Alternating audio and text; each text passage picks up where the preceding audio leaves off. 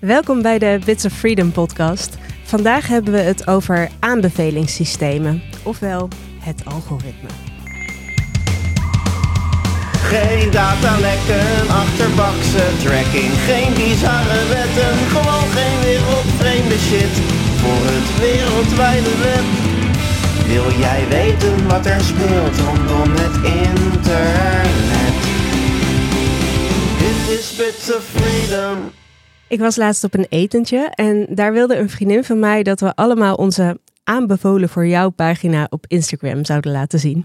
Omdat het zou laten zien wie we echt zijn. En voor de niet-Instagram gebruiker, dat is dus een pagina in de app waar je foto's en filmpjes te zien krijgt waarvan de app denkt dat je ze leuk vindt. Nou, mijn aanbevolen pagina is een soort kalmerende knutselhoek. Uh, gekleurd kinetisch zand waar zo stukjes van worden afgesneden taarten die opgespoten worden met botercrème en verschillende kleuren glimmende verf die één voor één over een doek worden gegoten.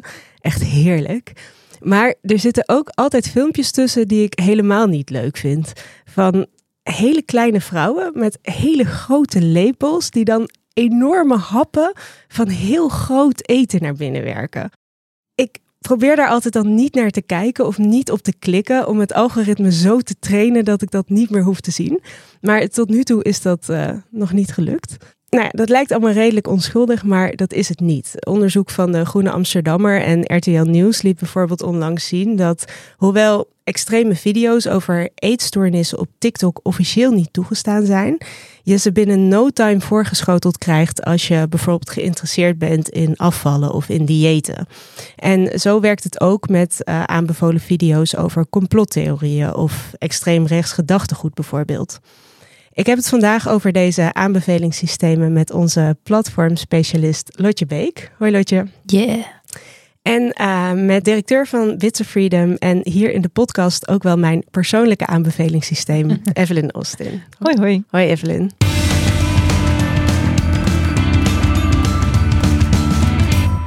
Evelyn, wat denk jij dat ik uh, leuk zou vinden op het internet deze week? Gossie, het sluit wel een beetje aan eigenlijk uh, uh, bij waar je het net over had. Um, dus voordat ik het je ga aanbevelen, mm -hmm. zou ik het eigenlijk wel fijn vinden om te weten wat het precies is aan die kleine vrouwen met die grote lepels dat je zo vervelend vindt. Ja, wat ik er dus heel vervelend aan vind, is dat het. Um, ik denk dat het ergens in een uh, fetishhoek zit. Ja. Um, dus het zijn vrouwen die echt hun mond heel erg vol proppen met ah. bijvoorbeeld taart of uh, oh. hele grote happen met uh, slagroom en aardbeien nemen, zeg maar, zodat hun mond echt helemaal vol zit. Okay. En dan kijken ze zo ook zo uh, heel um, hmm. schuldbewust camera in. Hmm. En ik, ik, ik weet niet, ik kijk daar gewoon ja. niet graag naar. En ja. ik vind het ook, het maakt mezelf een beetje misselijk als iemand zo, zeg maar, zit te schokken. Ja. Oké. Okay. Dus dat, uh, dat staat me er uh, ja. aan tegen. Oeh, hmm. Ik krijg er ook een beetje een naar gevoel van. Oké. Okay. Hmm. Um, dan denk ik dat uh, mijn volgende tip wel kan. um, ik begon geïnteresseerd te worden, of ik had eigenlijk de vraag: um, hoe goed is ChatGPT met recepten? Mm -hmm. En ik dacht, ik ben niet de eerste die dit zich afvraagt. Uh, ik trok naar YouTube en uh, uh, ging daar op zoek. Um, en wat, wat, ik, wat ik daar aantrof verbaasde me. um, nee, verbaasde me eigenlijk wel. dus ten eerste had ik veel meer video's verwacht die hierover gaan. Dus dat viel me een beetje tegen. En de video's die ik daar vond, um, spraken me totaal niet aan. Dus het waren hoofdzakelijk hele best wel opgefokte mannenchefs die gingen bettelen tegen AI. Wat? Even terug. Waar was je naar op zoek en wat gebeurde er? Ik was gewoon op zoek naar mensen die recepten hadden getest die door ChatGPT waren geschreven. Ah ja. Dat is waar ik naar op zoek ja. was. Heel simpel. Met als conclusie: ChatGPT is supergoed of niet supergoed of soms goed in recepten schrijven. En wat ik daar vond was dus een soort van man versus machine Hmm. robot battle. Dus er was één video waarin, waarin zeg maar het AI-recept dan ook werd uitgevoerd door een jongen verkleed als een robot. I don't know. Ik werd er gewoon echt een beetje zagrijnig van. Ik vond het gewoon allemaal een beetje onzinnig. De, de conclusie was ook steeds ik heb gewonnen. En, en nou ja, het, het- ik weet niet. Het was gewoon totaal niet mijn ding. Ik was er wel best wel veel tijd aan kwijt. Dat zat me ook dwars. Ehm, en per toeval eh, kwam ik toen op Twitter. Dus je hebt de Irish Twitter. Is Mhm. de fijnste plek op Twitter. eh, want daar zitten gewoon allemaal Ierse mensen die hele aardige dingen eh, tegen elkaar zeggen. Dit klinkt zo niet des Twitters. Nee, het is echt een fantastische plek. En via Irish Twitter werd ik gewezen op Irish TikTok, Mhm. waar precies hetzelfde gebeurt. Oh. En daar kwam ik ehm, eh, de eh, TikTok-account van een Chinese jongen tegen die in Dublin eh, woont. Daar woont hij sinds een paar jaar, geloof ik. En hij maakt ehm, eh, video's waar hij Chinese restaurants gaat raten. En elke video begint met Chinese guy rates Chinese restaurant in Ireland, part 11. zeg maar heel erg een soort van op zijn TikToks voice-over, een soort van hele zachte voice-over. Hij heeft een super mooi accent. Hij gaat heel rustig, neemt hij je mee door die menukaarten. Ehm, hij is niet de meest soort van flitsende presentator. Ik vond ook een eh, interview met hem waarin hij zei dat een van de redenen waarom hij TikTok-video's ging maken was om eh, uit zijn comfortzone te raken en wat meer gewend te raken aan, in, aan, aan, publiek praten. Ehm, en toen, toen werd hem ook in dat interview werd hem gevraagd: eh, ben je al herkend op, in, het, in het echt? Want hij is, zijn account is heel populair. Toen zei hij: Oh god, nee. Ik weet ook niet wat ik zou doen als ik met vreemden zou moeten praten. dus hij is er nog niet helemaal. Maar ehm, ja, ik wilde eigenlijk eh, gewoon een, eh, een van de video's met je delen. Oké, ga je die nu laten zien? Ja, Nou, ik ben er heel benieuwd naar. dus het is eh Taro Pearl Tea. Chinese restaurants in Ireland, Dublin Part 11. Lads, I was a bit hesitant about coming to today's restaurant Lao on Parnell Street because the Chinese name of the restaurant is Haidi Lao, which is the same as a very popular hot pot chain, Haidi Lao in China, that has over 1300 restaurants. And coincidentally, this place is also known for its hot pot. Their brand is just in different font and logo. I was very excited when I first saw this place in Dublin, but then people told me that's not the Haidi Lao that every Chinese person knows in China. You know, it's like when you wanted to go to KFC but ended up in OFC. En ik vind dit ook, ik, het is zo rustgevend.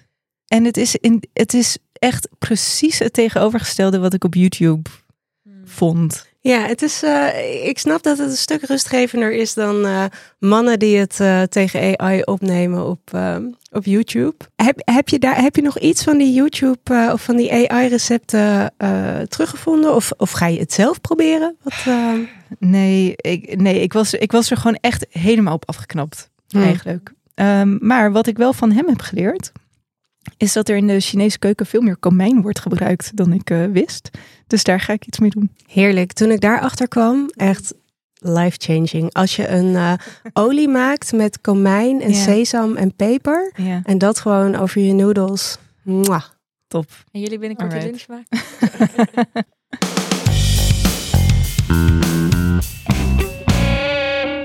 Lotje, we gaan het vandaag hebben over aanbevelingssystemen of zoals sommige mensen dus zeggen, het algoritme. Eh, ik vertelde in mijn inleiding al even over mijn ervaring met wat Instagram denkt dat ik leuk vind. Ik vroeg me af, wat krijg jij voorgeschoteld? Eh, wel iets anders dan jij. Ik gebruik Instagram eigenlijk bijna niet om te ontdekken. Daar gebruik ik nu TikTok voor. Omdat je een stuk jonger bent dan ik natuurlijk. Ja, voor de eh, luisteraars, ik ben heel jong. En ehm, daarom zit ik ook op TikTok en krijg ik allemaal jonge content voorgeschoteld. En het verandert eigenlijk elke week in wat voor algoritme ik zit. Soms verandert het per dag. Dus toen we deze podcast aan het voorbereiden waren, toen zat ik in een Joods Pesach-algoritme. Nou, Pesach is inmiddels een week geleden. En nu zit ik in een marathon en Coachella festival algoritme. Ik heb nog nooit een marathon gerend, ga dat never doen. Maar TikTok weet dat ik ziek fan ben van naar marathons kijken. En het is nu kennelijk marathon season. Eh, dus daar kijk ik nu veel filmpjes over. En eh, dus Coachella festivals, een festival in Amerika, eh, waarvan we altijd heel erg de mooie foto's zagen van Kardashians en zo. En op TikTok uh, uh, zegt ze dan, this is what Coachella is really like. Or what I spent in one day in Coachella. Heel veel, echt duur. Dus, Ja, en, en dat je dus, zoals je zegt, in dat algoritme zit, betekent dat je dus steeds meer van die filmpjes eh, voorbij krijgt, zeg maar. Dus hoe meer, je Ja. hoe meer je kijkt, hoe meer je ook te zien krijgt. Daar komt het op neer. Ja, en, maar TikTok geeft me nog best wel een fijne afwisseling. Dus daar heb ik het gevoel dat ik altijd in een soort van... Nou, dit zijn de twee grootste nu, maar er zijn er nog een paar die daarnaast ook altijd spelen. Eh, terwijl bij Instagram heb ik het gevoel dat als ik eh, naar hondjes kijk, dat ik eigenlijk alleen maar naar hondjes kijk. En dan een gegeven moment denk ik, oké, genoeg hondjes gezien. Hmm. Maar TikTok doet dat heel goed, of eigenlijk heel slecht voor mijn gevoel. dat ze het toch wel een beetje afwisselen, zodat je, zodat je een beetje ook wel on edge blijft van wat, wat Dat je het komt erna. i- idee hebt van eh, dat er nog een eh, Ja. Oh, is. een ander leuk algoritme waar ik nu ook in zit, is het Wes Anderson algoritme. Ik weet niet of Hmm. jullie TikTok zo hebben gezien, maar dat is een regisseur en die heeft een hele specifieke stijl van film. En eh, dan gaan mensen Bos en Lommer in Amsterdam Wes Andersonen. Ah. En dan maken ze een soort trailer van Bos en Lommer in Wes Anderson stijl. Dus heel erg symmetrisch, met een pliep pliep muziekje erachter en kleine bewegingen. eh, heel chill om naar te kijken. Oh, wat grappig. Daar ben ik wel benieuwd naar. Ja, ik zal de Bos en Lommer aan je doorsturen. nice. Hey, we noemen het nu eh, dus eh, vaak het algoritme of een aanbevelingssysteem. Maar wat is het eigenlijk? Wat, wat maakt dat je die filmpjes gaat zien? Dus eh, grote platformen die gebruiken een soort computerprogrammaatje. eh, algoritmen. Het zijn er meerdere, niet één. Anders wordt Nadia boos op ons als we het eentje noemen. Maar ehm, dus grote platformen gebruiken een soort computerprogrammaatje. En die eh, bepalen op basis van ons online gedrag wat bij ons werkt. En die, die, die bepalen welke content we te zien krijgen en in welke volgorde. Dus TikTok ziet bijvoorbeeld eh, waar ik naar kijk op TikTok, waar ik langer blijf hangen, wat ik like, wat ik doorstuur, wat ik dubbel kijk en waar ik heel snel doorscroll. Eh, Instagram heeft niet alleen mijn gedrag op Instagram, eh, waar op basis, op basis waarvan ze dit, die volgorde bepalen, maar die volgen mij natuurlijk ook op Facebook en et cetera, alle andere platformen die zij hebben. Dus eigenlijk op basis van al je online gedrag profileren ze je en op basis van dat profiel bepalen ze welke content je te zien krijgt. Ja, dus dat is eigenlijk supergevoelige informatie die ze daarvoor gebruiken. Waar je naar kijkt op internet is wel, ja, dat, dat is mega privé. Ja, want ik vond het ook wel grappig dat je net zei van dat je vrienden zeiden: kan je kan je, je Instagram voor jouw pagina eh, laten zien? Want ik zou dat niet zomaar aan iedereen durven laten zien. Ik zou niet heel snel, eh, als iemand naast me zit, ook scroll je even mee met TikTok, omdat je niet per se dat met iedereen wil delen, maar Hmm. TikTok weet het wel allemaal van je. Dus dat is eigenlijk wel heel gek. Ja, dat is wel vreemd. Dat je inderdaad voor je vrienden niet wil dat, Ja. dat ze je, je, je tijdlijn, of hoe heet dat op TikTok zien. Maar ja, je vertrouwt daar toch wel, eh, zo'n groot platform, vertrouw je best wel veel toe. Ja, bij je vrienden denk je, wat ze wel niet van me denken als ik kleine vrouwtjes met hele grote lepels bekijk. Eh, maar ja, Instagram zou mij we- wel niet veroordelen of zo. Dat Hmm. idee ja, speelt dan een beetje mee. Dat is, het is ook wel begrijpelijk, toch? Dat je je privacy ten opzichte van vrienden iets anders betekent dan je privacy ten opzichte van een onbekend, Mhm, Ja, totaal. onbekend bedrijf. Ja, zeker. Ik herken het ook wel hoor. Want Hmm. eh, als ik het dus eh, laat zien, Hmm. dan zeg ik dus ook altijd heel expliciet van ja, ik, ik weet niet wat die ertussen doen door. Oh ja. Want het- ja, ik, je wilt toch niet dat mensen denken dat, Ja. dat, dat ik dat leuk vind om naar te kijken. Dus Ja. ik vind het wel grappig hoe dat, ehm, ja, hoe het gevoel van privacy eh, inderdaad verschilt ten Hmm. opzichte van zo'n bedrijf en de Ja. mensen die echt eh, nabij zijn. Ja. Ehm, ja, we hebben het nu over best wel lichte dingen. Dus eh, mijn visuele ASMR en jouw marathon en Coachella-algoritme. Maar er schuilen natuurlijk ook best wel wat gevaren in dit soort algoritmes. Ik Ja. noemde het in de inleiding al eventjes het onderzoek van eh, De Groene over nou ja, die extreme video's Mm. over eetstoornissen die je gewoon echt best wel snel voorgeschoteld krijgt op TikTok. Ehm, maar ze spelen bijvoorbeeld ook een grote rol in de verspreiding van fake news en desinformatie. Hoe kunnen die systemen daaraan bijdragen, zeg maar? Bijvoorbeeld het verspreiden van ehm, extremistische ideeën. Dus eh, het hele idee achter die volgorde of de content die zo'n zo'n algoritme je toont, is niet per se eh, we gaan content laten zien waar Inge het gelukkigst van wordt. Maar het idee is, we gaan content laten zien waardoor Inge zo lang mogelijk op het platform eh, blijft. Waardoor wij haar zoveel mogelijk advertenties kunnen laten zien. Zodat we zoveel mogelijk geld aan haar verdienen. En eh, daar, daar ligt een beetje het ingewikkelde. Want soms komt dat natuurlijk overeen met waar jij gelukkig van wordt. Ehm, die content die, eh, die ze je tonen, eh, ze merken vaak dat het soort van heftige content het goed doet. Of, of dat mensen daar blijven hangen. Dus eh, zo heb je op YouTube heel veel van die clickbait video's met... Oh my god, I gave this homeless guy one million dollars and changed his life. En waar mensen dus makkelijker op klikken omdat het soort van heftig en triggering is. En dat doen die, die, die, die algoritmen dus ook. Eh, dus die laten vaak hele heftige, heftige content zien. En dingen als desinformatie of polariserende video's zijn vaak wat heftiger dan neutraal. Dus hè, als je bijvoorbeeld hebt over COVID, is holy shit, ik dronk bleek en nu heb ik geen corona meer. Is natuurlijk veel heftiger en blijf je misschien wel langer kijken dan ehm, daily life of iemand met corona die de hele dag Als theetjes drinkt. Als ik vorige week TikToks had gemaakt, toen ik met corona op bed lag, had inderdaad niemand naar nee, ik gekeken. er zal vast een niche voor zijn, maar Ja. de niche voor Gloor is denk ik groter. Ik, ik had corona en ik voelde me even niet zo lekker. maar het ging eigenlijk best oké. ja, dus die extreme content wordt dan ehm, gepusht. En als mensen daar dan, als je daar dan naar kijkt, zeg maar, dan eh, kom je in een soort van loop. Want dan, dan blijft dat soort informatie Ja. naar je toe komen. Ja, dus als je eh, de eerste keer interesse hebt getoond in zo'n eh, in zo'n extreme video of, of foto, eh, dus via interactie daarmee, dus dan kijken, liken, delen, commenten, et cetera, dan denkt het platform, oh, Inge blijft best wel lang hangen bij deze video over chloor. We gaan haar daar meer van laten zien. Want Hmm. hoe langer zij blijft hangen, hoe meer geld we aan haar verdienen. Dus zo kom je ook, kan je ook in een soort van fuik terechtkomen, denk ik. Eh, zoals ik in een Coachella-fuik zit, wat nou ja, ook niet onschadelijk is. Maar eh, zo kan je dus ook in een soort van eng desinformatiefuik terechtkomen. En die platformen doen er natuurlijk ook al veel aan om die desinformatie tegen te gaan. Maar juist met dat aanbevelingsalgoritme pushen ze het juist ook wel. Dus Mm. eh, dat is denk ik waar, waar het wel een beetje gevaarlijk wordt. Ja, en ik denk dus met extreme gedachten, maar ook, ehm, nou ja, bijvoorbeeld dat dieetalgoritme waar we het eh, net al over hadden. Ehm, ik, ik denk dat je daar ook mensen die, ehm, nou, ik, ik bijvoorbeeld zelf, ik, ehm, nou ja, heb op Instagram volg ik best wel veel eh, vegan eh, chefs. ik kook graag veganistisch, maar ik krijg ook best wel veel eh, dieetadvertenties Mm. aanbevolen. En dan vraag ik me af, is dat dan omdat Instagram weet dat ik eh, gezond wil eten? Is het omdat Instagram weet dat ik geen maat 36 heb? Zeg maar, waarom, waarom krijg ik dit aanbevolen? En ik kan me ook voorstellen dat als je dat eenmaal veel aanbevolen krijgt, je gaat denken, oh, maar misschien moet ik hier wel wat mee. Hmm. Ja. En dan wordt het denk ik best wel tricky. ja, als je iets maar vaak genoeg ziet, dan ga je het misschien wel geloven.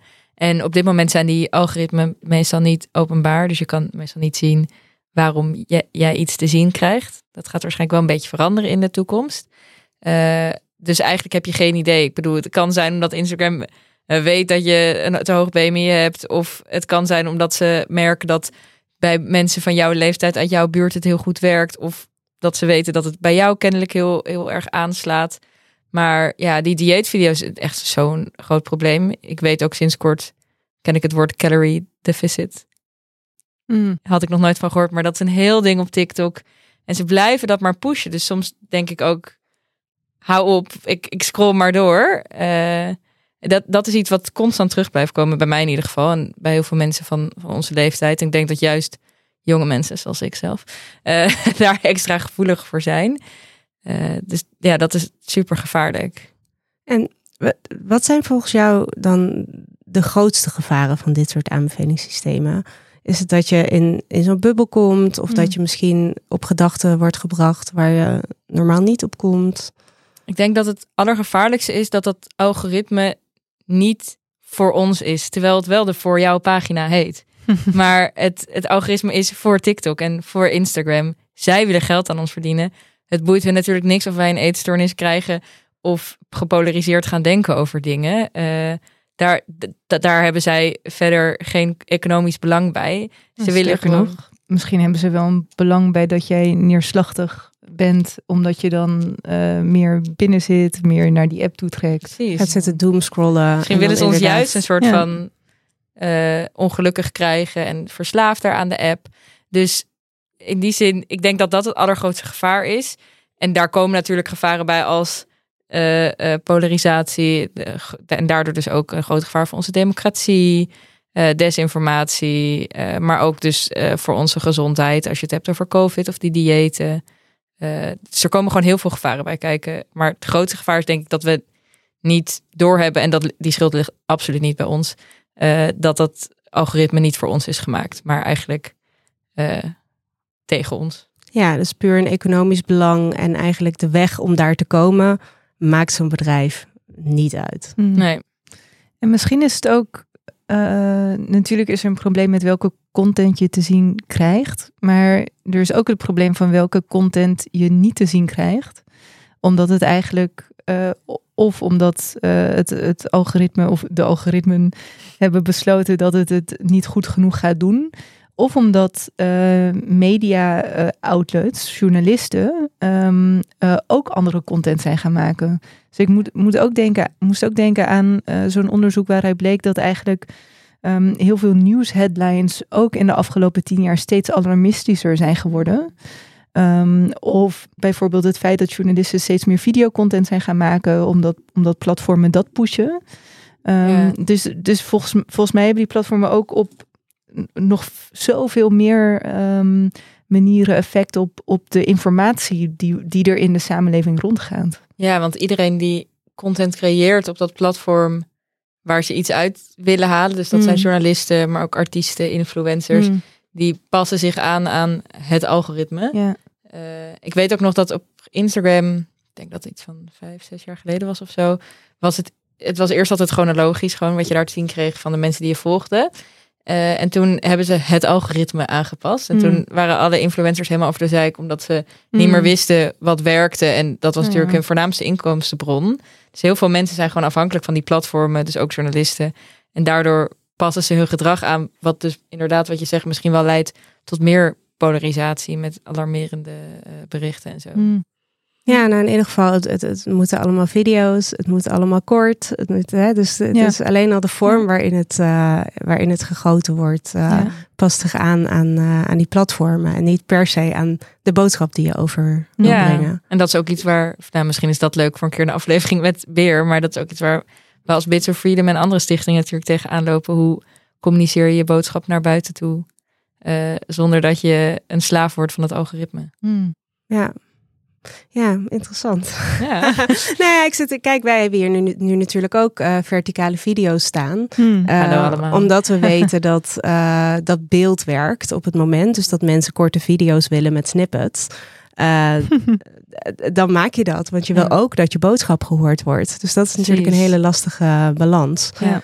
Ehm, als gebruiker van zo'n platform, hoe herken je dat, dat een bepaald algoritme aan het werk is? Eh, zijn er tips voor? Kan je er iets aan doen? Kan ik als eh, individu iets doen om die eh, algoritme te omzeilen of te beïnvloeden? Of zijn we gewoon lost?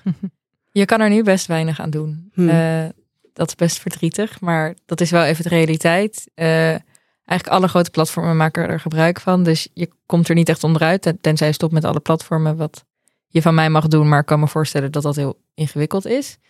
Eh, dus op dit moment kan je er niet veel aan doen. Eh, je kan het eh, herkennen. Je, je weet dat, nu je deze podcast hebt gehoord, weet je dat het gebeurt.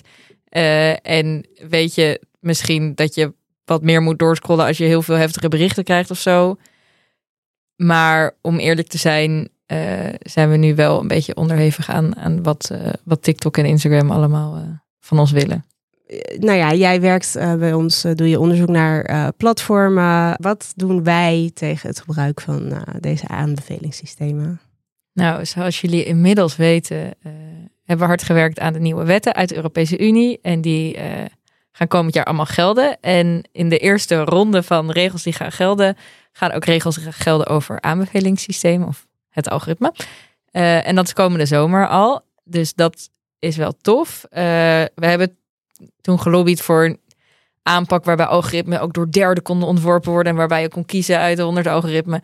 Uh, dat heeft de, daar heeft de lobby van, van Big Tech ons helaas in verslagen. Maar we hebben wel een stap in de goede richting. Want alle supergrote platformen, waaronder dus Instagram, TikTok, Twitter, die moeten een alternatief algoritme aanbieden wat niet is gebaseerd op profilering, dus niet op jouw online gedrag.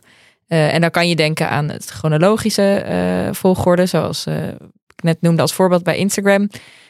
bij TikTok wordt dat denk ik een beetje ingewikkeld, omdat daar een soort van miljard filmpjes per minuut worden mm geüpload. Ik ben heel benieuwd waar zij mee gaan komen, want dit is niet per se een algoritme dat goed voor ons is. Want misschien is het wel een algoritme dat zegt, op, in, in, in deze volgorde krijg je alleen maar super heftige video's te zien, maar mm. niet gebaseerd op profilering. Ja, je weet het niet. Ja. Uh, we weten inmiddels hoeveel die platformen, of nou eigenlijk hoe weinig die platformen om, om ons geven. Het ligt wel voor de hand dat het niet gepersonaliseerde algoritme zo onaantrekkelijk mogelijk gaat zijn, toch? Ja, dus uh, Instagram heeft er bijvoorbeeld al eentje. Mm. Je kan elke keer als je Instagram opent aantikken dat je alleen de berichten wil zien van de mensen die je volgt op de volgorde waarop ze het hebben geplaatst.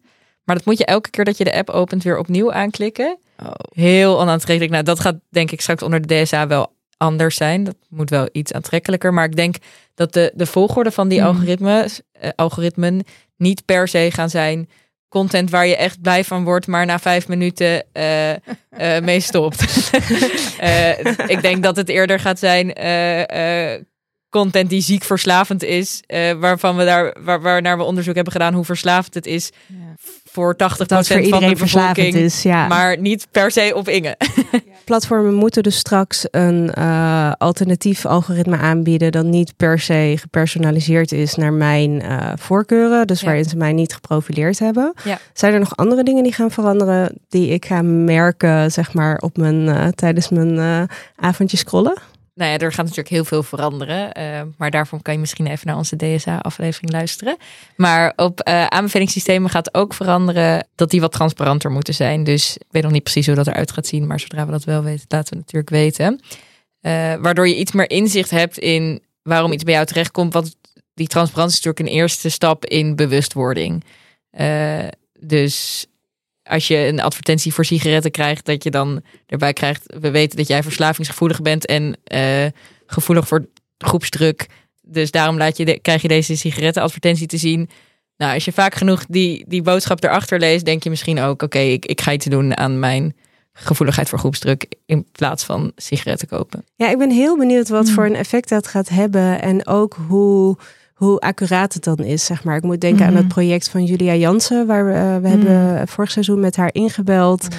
Zij had bij Facebook haar gegevens opgevraagd om te kijken wat er allemaal, uh, nou ja, waar, waar haar interessegebieden allemaal zouden liggen. Groen, de kleur groen. Um, dus ik, ik ben heel benieuwd in, in welke range dat dan, uh, of, of, het klopt en of je er echt iets aan hebt om dat te zien. Ja, ik heb ook wel eens dat opgevraagd. Eh, bij Facebook en Instagram. En daar kwam geen enkel maatschappelijk of politiek beladen woord uit. Uh, het was mm. inderdaad alleen maar groen of Andrew Tate. Niet hoor, maar mm-hmm. je snapt het idee. Dus uh, ik ben heel benieuwd of, of, of er straks wel staat van... we merken dat jij rechts bent of zo. Mm. ja, ja, dat je geïnteresseerd bent in rechtse politiek of in, uh, nou ja. Dus ik ben heel benieuwd wat daar, uh, daar komt te staan. Ja. Ben je blij met deze veranderingen? Uh, is het genoeg? Elke stap vooruit is een stap vooruit. En uh, het had echt veel drastischer kunnen zijn. Maar ik denk dat het al wel, nou ja, wat ik zeg, een stap vooruit is. Dus ik ben er blij mee. Stel dat het niet uh, in een hele gekke wereld, dat het niet ver genoeg gaat. Of dat ze toch nog heel erg verhullen de informatie over de profilering. Mm Wat dan? Zeg maar, wat kunnen wij dan doen? Dan klagen we ze aan. Nee, maar is dat een reële uh, optie? Ja, dus onder die wetten, dat, dat zijn gewoon verplichtingen voor die platformen. Mhm. Dus uh, die, daar moeten ze aan voldoen. En als ze er niet aan voldoen, kunnen ze hele hoge boetes krijgen. Dus uh, dan gaan we gewoon met z'n allen achter ze aan. Dus stel dat, dat eh, de nieuwe, stel dat Julia dan, eh, zou zij dan eh, kunnen zeggen, hey, ik denk eigenlijk niet dat ehm, mijn liefde voor groen de reden is waarom ik alleen maar dieetvideo's te zien krijg. Tell me more. Eh, Hoe kan dan een gang naar de rechter helpen om die openheid eh, te krijgen? Ik zou daar heel even de wet op moeten nakijken. Mhm. Maar ik geloof dat er gewoon een aantal dingen zijn die heel eh, duidelijk te zien moeten zijn. En Mhm. als je die dan niet ziet, dan kan je daarover klagen. Mhm. Eh, je kan naar een rechter gaan, maar je kan ook eh, in het geval van die grote platformen naar de Europese Commissie gaan, Hmm. die daar toezicht op houden. Eh, er wordt elk jaar ook een risk assessment gedaan bij die platformen. Dus Hmm. ik denk dat er best wel veel wegen zijn om daar iets te betekenen. En ik denk dat die platformen echt het onderste uit de kan gaan proberen te halen. Maar wij ook.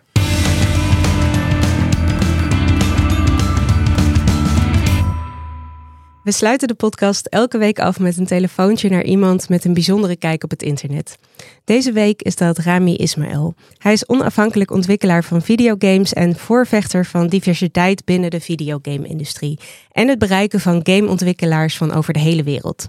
Hij was oprichter van Vlambeer, toch wel een parel in de Nederlandse game-industrie, en hij heeft een podcast, De Habibis. Genoeg om over te praten dus, ik ga hem bellen.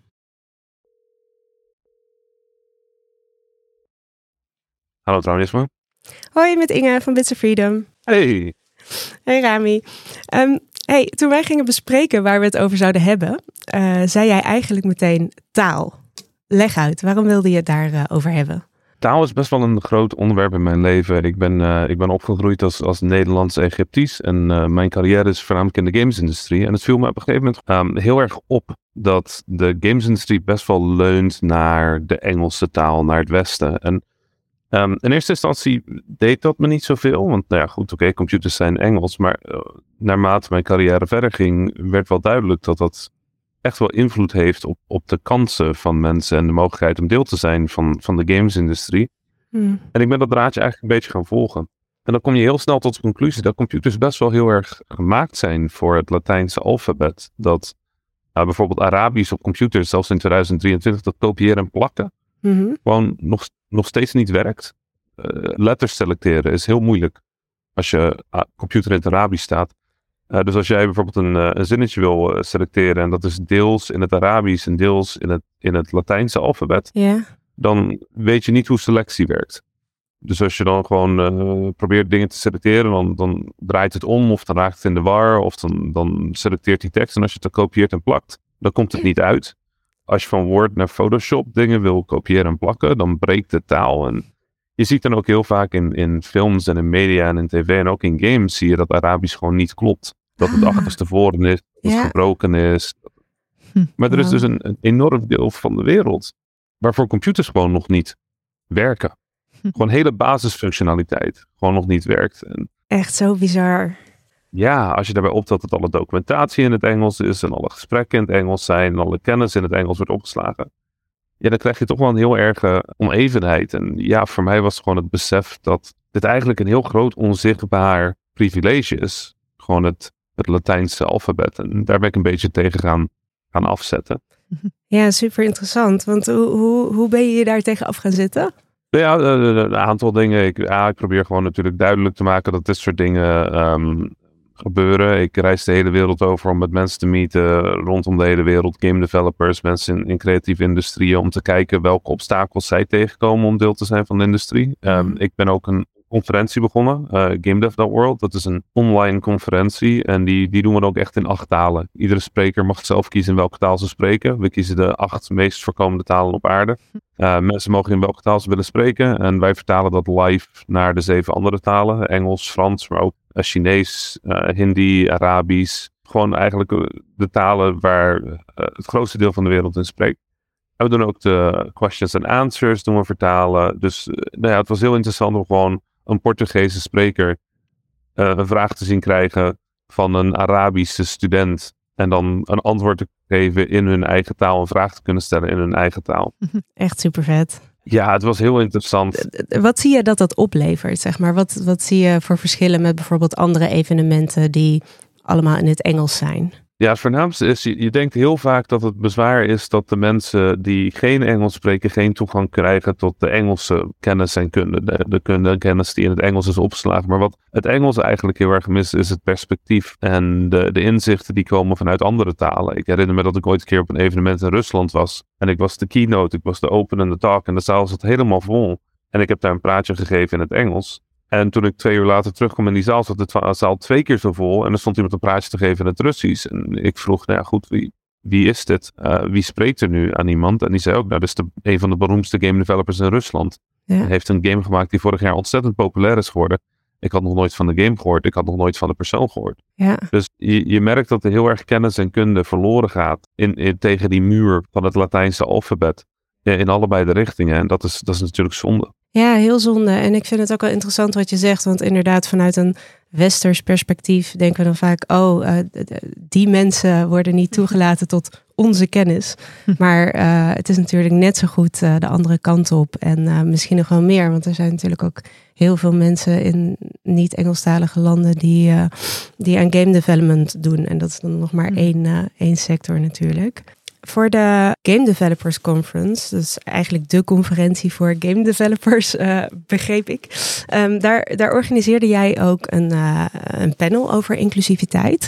Maar dat is nu gestopt. Kan je uitleggen hoe dat gegaan is? Ja, dat, eh, dat panel heette The Number One Reason to Be. En het is een panel dat origineel begonnen is voor ehm, eh, vrouwen in de gamesindustrie. Ehm, om uit te leggen waarom zij in de gamesindustrie bleven. Terwijl toch wel een, een, een- ja, zeker vroeger, maar nog steeds wel een, een lastige eh, industrie kan zijn voor, voor vrouwen. En ehm, de originele oprichters daarvan, die hebben op een gegeven moment gezegd van oké, we hebben nu wel heel veel vrouwen eh, op dit panel gehad die echt hele interessante verhalen hebben verteld. Maar we willen eigenlijk dat dit panel een soort van fakkel wordt voor inclusiviteit en diversiteit. En zij hadden dus eigenlijk het idee om het panel aan mij te geven met dan als doel in plaats van op diversiteit eh, langs de lijnen van gender of, of geslacht, Hm. om dat langs de lijnen van geografische diversiteit te doen en taaldiversiteit. Dus ik heb toen voor enkele jaren heb ik dat panel gerund.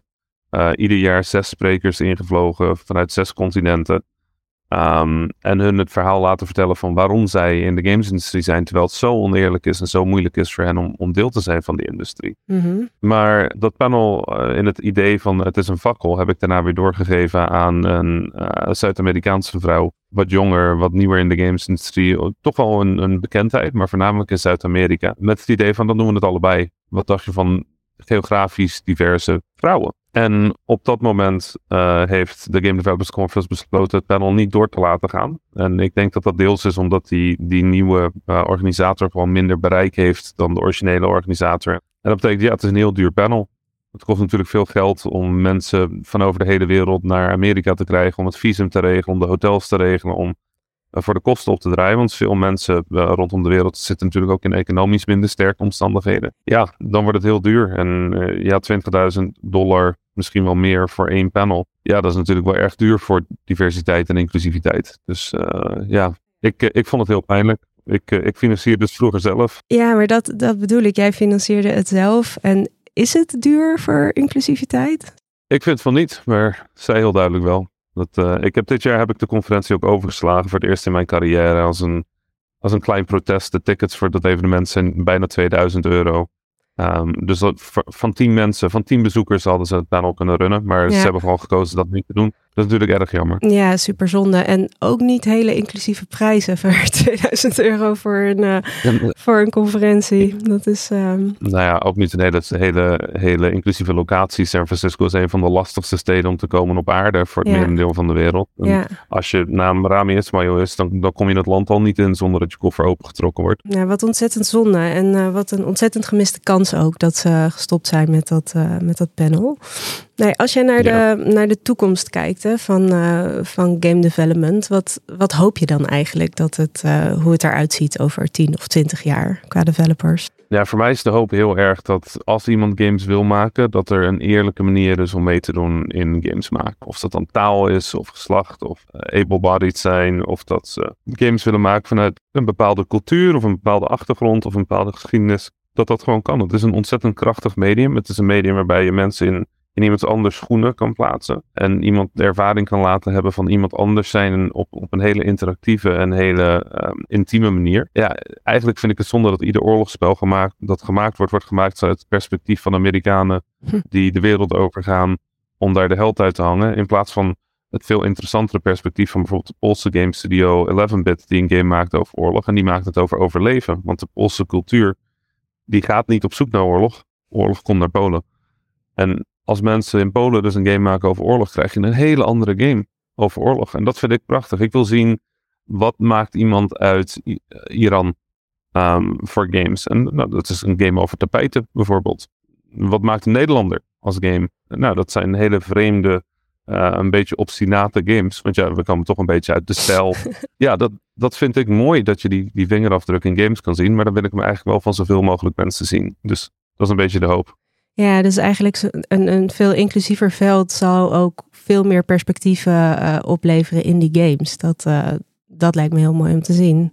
En niet alleen in games. Ik hoop ook dat mensen zich beseffen dat er een heel groot deel van het internet is waar je dat je niet eens zou kunnen vinden als je hier in Nederland zit, omdat je niet in het Arabisch kunt typen. Dat zou ik ook heel mooi vinden. Je, kan 90% van de Arabische websites niet vinden, omdat er gewoon geen enkele Engelse letter op staat. En dan kun je googlen wat je wil. Maar het gaat niet als resultaat komen. Nee, het komt gewoon niet naar boven. Het- Wat zou er, denk je, voor nodig zijn om, eh, om dit over, ehm, nou ja, misschien tien jaar eh, bereikt te hebben? Ja, er zijn heel veel verschillende oplossingen. Natuurlijk eh, vertalingen en die onderdeel maken van zoekresultaten zou daar best wel een groot onderdeel van kunnen zijn. En ik heb ook echt wel hoop voor, voor de versnelling in, in vertalingstechnologie. Maar je merkt gewoon heel duidelijk dat heel veel van die technologieën alsnog gebaseerd zijn op het idee dat mensen willen vertalen tussen de Latijnse talen, tussen Engels en Frans, Duits en Spaans, eh, Portugees en ehm, nou ja, weet ik veel, eigenlijk Italiaans.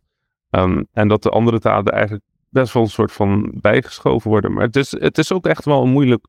Het is ook echt wel een moeilijk probleem. Ik bedoel, als jij voice recognition aan het trainen bent, ja, dan wordt dat voornamelijk getraind op het Engels, want daar is het meeste data van. Maar ja, Arabisch is een stukje moeilijker. En er zijn ook nog eens tientallen verschillende Arabische accenten. Ja, daar, daar beginnen ze nu pas net mee. En ja, dat is natuurlijk, eh, dat maakt het niet per se helemaal eerlijk. En dat, ja, aangezien die bedrijven allemaal zitten in de VS. Ja, dat is precies hoe het gebeurd is. Unicode, de, de manier waarop taal wordt opgeslagen op computers, is ontwikkeld in het Westen. Dus wij zijn daar geen onderdeel van. Wij zijn eigenlijk een beetje een hack in de computers met allemaal onzichtbare tekens. Om alsnog maar te zorgen dat Arabisch werkt. Ja. En vaak werkt het niet. Wat een ontzettend interessant eh, nou ja, perspectief eh, breng je mee. Heel erg dank je wel daarvoor. En eh, ja, heel veel succes in, in alles ehm, waar je voor inzet. En bedankt dat we even met je mochten bellen. Ja, bedankt voor het belletje.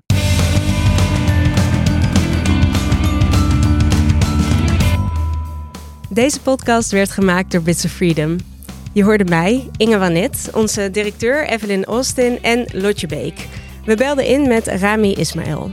Onze jingle werd gemaakt door Tim Koehoorn en de podcast werd geproduceerd en geëdit door Randal Pelen van YOLO Media. Veel dank aan onze donateurs en natuurlijk aan jou, de luisteraar. Geen datalekken, achterbakse tracking, geen bizarre wetten, gewoon geen wereldvreemde shit voor het wereldwijde web. Wil jij weten wat er speelt rondom het internet? Dit is Bits of Freedom.